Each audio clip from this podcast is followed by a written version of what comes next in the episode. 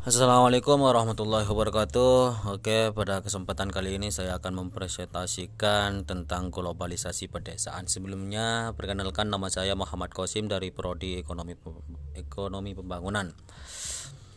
Apa sih globalisasi itu? Oke, globalisasi merupakan istilah yang berhubungan dengan peningkatan keterkaitan antar bangsa dan antar manusia di seluruh dunia melalui perdagangan investasi perjalanan, budaya populer, jaringan komunikasi, dan bentuk-bentuk investasi yang lain.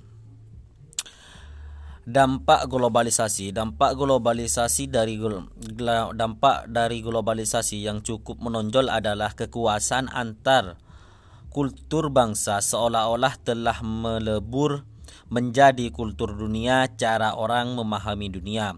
Dunia lokal mereka sendiri dan dunia kestrukturan atau keseluruhan mengalami perubahan yang sangat besar.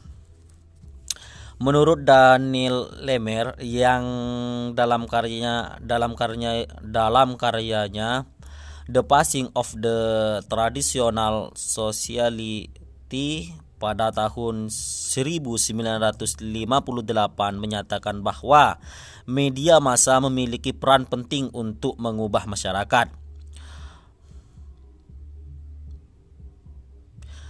Modernisasi dan hilangnya pesona desa.